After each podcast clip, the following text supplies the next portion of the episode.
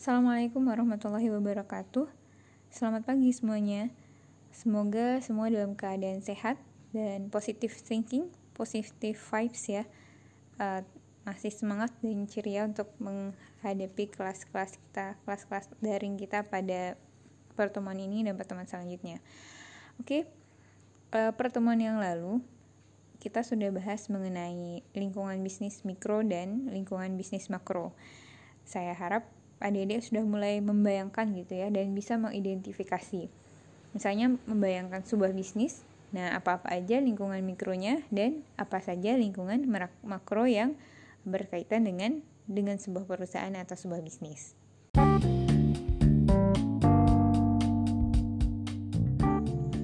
Kita tahu kemarin lingkungan bisnis mikro adalah lingkungan yang sangat dekat yang sangat dekat dengan perusahaan atau dengan bisnis kita sehingga dia akan berakibat atau berefek secara langsung terhadap bisnis kita. Contohnya kemarin apa? Ya, yang dekat sama kita berarti ada konsumen gitu ya. Ada konsumen, ada supplier, ada distributor, ada ada beberapa lagi yang dekat gitu ya. Kemudian eh, makro, makro kita tahu definisinya kemarin adalah luas jadi jauh gitu ya jadi uh, dia akan mempengaruhi apa pun kebijakan atau hal-hal yang secara makro, secara nasional terjadi di Indonesia itu akan secara tidak langsung uh, akan berdampak juga nanti atau uh, perusahaan kita akan kena imbasnya juga nanti ketika ada kejadian-kejadian uh, tertentu yang terjadi di negara kita gitu secara makro gitu ya. Nah, kita tahu perusahaan itu bahkan aktivitasnya itu nggak cuman sebatas di uh, Indonesia aja di negara kita aja gitu. Nah kita tahu ya sekarang itu apalagi banyak ternyata perusahaan-perusahaan yang aktivitasnya nggak cuma di Indonesia aja tapi udah sampai ke luar negeri. Nah di sini kita harus bisa mengidentifikasi juga ternyata lingkungan bisnis untuk perusahaan-perusahaan yang bergerak ke luar negeri itu adalah lingkungan global gitu. Jadi lingkungannya itu nggak cuma yang mikro makro, tapi juga yang makronya itu termasuk lingkungan global. Nah di podcast kali ini, di materi kali ini kita akan bahas sedikit untuk memberitahu adik-adik gimana tuh lingkungan bisnis yang global.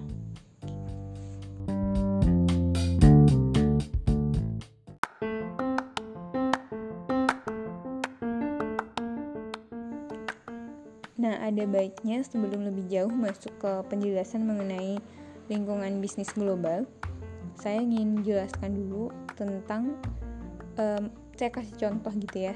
Perusahaan global itu maksudnya seperti apa sih? Tadi secara umum kita bisa paham kalau perusahaan global berarti ya aktivitasnya nggak cuma di Indonesia aja gitu ya.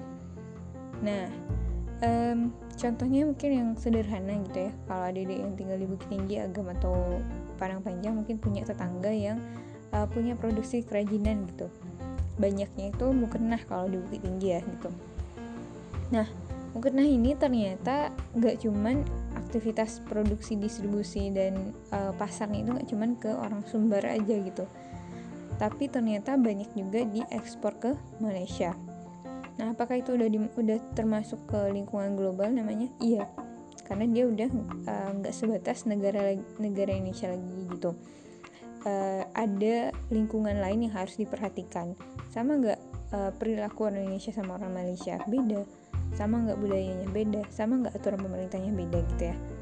Nah walaupun uh, apa ekspor itu masih ekspor mungkin mungkin dalam skala yang masih kecil um, tetap saja mungkin kita harus mengenali lingkungan global yang kita hadapi itu seperti apa gitu ya.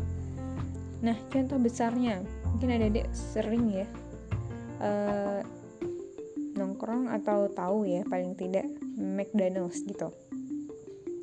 McD KFC gitu ya yang um, punya franchise internasional. Kalau McD McD itu hampir punya cabang mungkin ya di seluruh dunia gitu hampir bukan semuanya. Nah kira-kira nih beda nggak eh, hal-hal uh, yang akan dihadapi yang harus dipertimbangkan oleh McD ini kalau dia cuma beraktivitas di negara asalnya sama di negara-negara lain. Pasti beda. Beda nggak Amerika sama Indonesia? Sama Malaysia sama Arab Saudi pasti beda gitu. Nah itu yang harus mereka mereka uh, persiapkan dan mereka harus kaji. Nah kenapa sih orang-orang masih apa perusahaan tersebut mau apa memahami banyak negara? Kenapa sih mereka mau memahami hal-hal tersebut nyari kerjaan gak sih? Bagusan memaksimalkan di produk di dalam negeri gitu. Produksi atau aktivitas dalam negeri gitu. Apa sih motif orang? Mereka termotivasi perusahaan-perusahaan ini termotivasi untuk go internasional? Coba ada jawab sendiri. Boleh di pause dulu nih podcastnya. Jawab sendiri biar ikutan mikir. Nanti baru saya ulas gitu dengarkan ulasannya jawabannya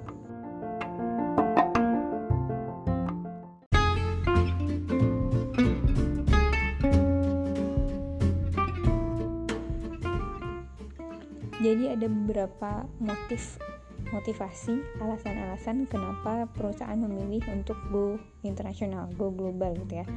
Kita tahu tadi kalau memutuskan untuk go global atau go internasional perusahaan harus tahu nih um, gimana perilaku konsumen orang di sana gitu di luar negeri kemudian paham gimana aturan dan lain-lainnya gitu. Kenapa sih orang mau berkorban mencari tahu dan memahami itu untuk pergi ke luar negeri? Apa sih alasannya gitu nah pastinya orang mau mendapatkan uh, manfaat yang lebih juga gitu karena mereka udah melakukan pengorbanan itu gitu ya nah apa sih motifnya yang pertama yang pertama itu adalah untuk uh, karena ada pasar luar negeri yang tertarik dengan produk kita, gitu ya. Jadi yang pertama itu attraction. Jadi ada pasar luar negeri yang tertarik sama produk kita atau kita yang mau mempromosikan barang kita sehingga um, produk kita itu um, diminati sama pasar luar negeri. Jadi tujuan kita adalah untuk memperluas pasar kita. Jadi ketika perusahaan ingin memperluas pasar, memperluas pasar, pasar kemarin paham ya, pasar itu artinya konsumen gitu ya. Memperbanyak konsumen biar konsumennya lebih banyak lagi, maka dia melakukan penawaran ke luar negeri. Dia menawarkan produk atau jasanya ke luar negeri. Nah, atau orang lain yang minta ke kita uh, produk kita tersebut gitu ya. Orang lain atau orang luar negeri yang tertarik sama produk kita. Jadi itu ya ada attraction ada ter ketertarikan uh, dan keinginan untuk memperluas pasar. Jadi itu makanya orang-orang mau go internasional. Nah biasanya uh, apa attraction tadi gitu ya uh, ada orang orang luar negeri yang tertarik ke produk kita uh, biasanya kayak kita ada pernah mungkin ada dengar kalau perusahaan furniture, furniture mebelnya Indonesia nggak terlalu laku di Indonesia tapi diminati asing gitu ya. Nah itu salah satu contohnya mungkin gitu. Um, orang lain yang tertarik sama produk kita atau produk teknologi gitu. Beberapa tuh pernah ada temuan-temuan di Indonesia uh, yang dibikin sama anak bangsa di Indonesia tuh nggak dipakai gitu. Karena uh, pas di sepertinya gitu ya ketika nanti di implementasikan atau diwujudkan Indonesia tuh nggak punya fasilitas yang mendukung untuk teknologi tersebut gitu. Nah makanya teknologi tersebut dibeli sama sama orang luar negeri gitu. Karena mereka punya uh, faktor atau hal-hal pendukung lain dan mereka juga butuh produk tersebut gitu nah tadi itu selain itu kita juga mau memperluas pasar kita memperluas uh, konsumen kita gitu ya. Bisa jadi ketika pasar kita di dalam negeri itu udah jenuh gitu ya udah nggak ada penambahan yang signifikan lagi cuma bertambah sedikit pasar baru kita kita bisa menyisir pasar luar negeri. Jadi ketika pasar kita tambah banyak apa ada tahu implikasinya kalau pasar kita yang kita lain tempat tambah banyak berarti kemampuan laba kita juga akan semakin semakin besar gitu ya, semakin meningkat gitu ya. Contohnya ini apa? Perusahaan-perusahaan yang udah stabil di dalam negeri kemudian mereka mau merambah ke pasar luar negeri. Ada yang, ada yang dengar? Ini ya pasti ada di familiar sama berita Gojek yang buka cabang di Vietnam. Iya kan? Nah Gojek udah maju nih di Indonesia gitu ya. Udah sustain juga. Nah akhirnya dia melebarkan saya ke Vietnam. Terus yang sering adik-adik makan yang difavoritkan Indomie. Indomie itu terkenal juga loh di luar negeri. Gak cuman di Malaysia tapi sampai ke Arab Saudi dan ya negara-negara yang jauh lagi gitu gak cuman Asia aja tuh mereka juga penggemar Indomie gitu. Yang sering ya lihat videonya di TikTok.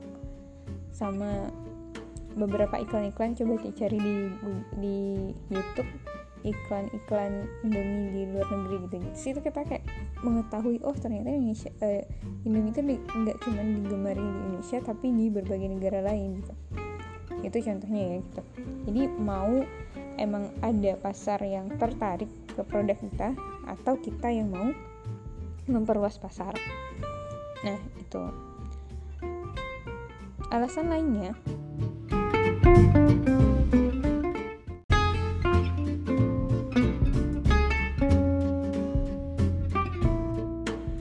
perusahaan Go Global adalah untuk mempermurah biaya produksi. Apa sih biaya produksi? Biaya yang, dilaku, yang dilakukan atau yang dikeluarkan perusahaan saat untuk memproduksi output. Biasanya biaya produksi ini kita keluarkan untuk uh, uh, melengkapi input gitu ya. Input kita apa aja bisa jadi bahan baku, sumber daya manusia gitu ya. Nah, um, bisa jadi di sebuah negara itu mahal biaya produksinya jadi untuk memproduksi sebuah output tuh mahal gitu biaya bahan bakunya mahal biaya tenaga kerjanya mahal dan lain-lainnya tuh mahal gitu ya dibandingkan sama negara lain makanya perusahaan ini lebih memilih untuk berproduksi di negara lain gitu di negara yang lebih murah biaya produksinya gitu. Jadi untuk ini tuh untuk menghemat biaya produksi makanya mereka go global. Atau um, kenapa orang lain go global? Karena sumber daya atau bahan bakunya itu cuma ada di negara tersebut bukan di negaranya dia gitu. Nah contohnya apa? Um, pertama kita coba deh adik-adik lihat yang punya iPhone. Coba lihat di belakang iPhone-nya. Tulisannya apa tulisannya um, coba baca ada design by uh, iPhone in California Amerika assemble in China. Ini maksudnya apa? Apakah uh, ini iPhone buatan mana sih? Nah dibuatnya di di Cina gitu. Tapi semua uh, apa um, partisi desain sistem dan lain-lain itu tuh itu dari konsep di mana? Apakah itu buatan Cina gitu apakah iPhone yang adik-adik pegang itu turun pamornya karena dibuat di Cina enggak gitu ya nah karena produksinya aja di Cina tapi semua patennya yang lain-lain itu udah dari Amerika gitu ya Nah, karena apa? iPhone tuh memilih itu salah satunya karena biaya tenaga kerja di Cina tuh lebih murah gitu. UMR-nya Cina tuh ya nggak sama sama kayak UMR-nya Amerika. Gitu. Nah, terus mungkin apa? Hmm, distribusinya gitu. Distribusinya Cina ke untuk daerah Asia mungkin lebih dekat pada Amerika gitu ya. Nah, banyak per pertimbangan lain gitu untuk menghemat intinya menghemat, menghemat biaya produksi gitu ya. Nah, coba ada adik lihat lagi gitu ya. Saya pernah dengar gitu. Uh, untuk membuat suatu celana levis aja, um, kan kita melalui beberapa proses bisnis gitu ya, mulai dari bahan, penjahitan sampai finishing gitu. Nah itu bisa dilakukan di negara-negara yang berbeda gitu. Karena apa? Karena dilihat dulu kalau untuk biaya uh, pemotongan atau cutting itu bagusnya di mana gitu. Untuk penjahitan dengan kualitas yang bagus, uh, sumber daya yang menjahit itu murah di mana?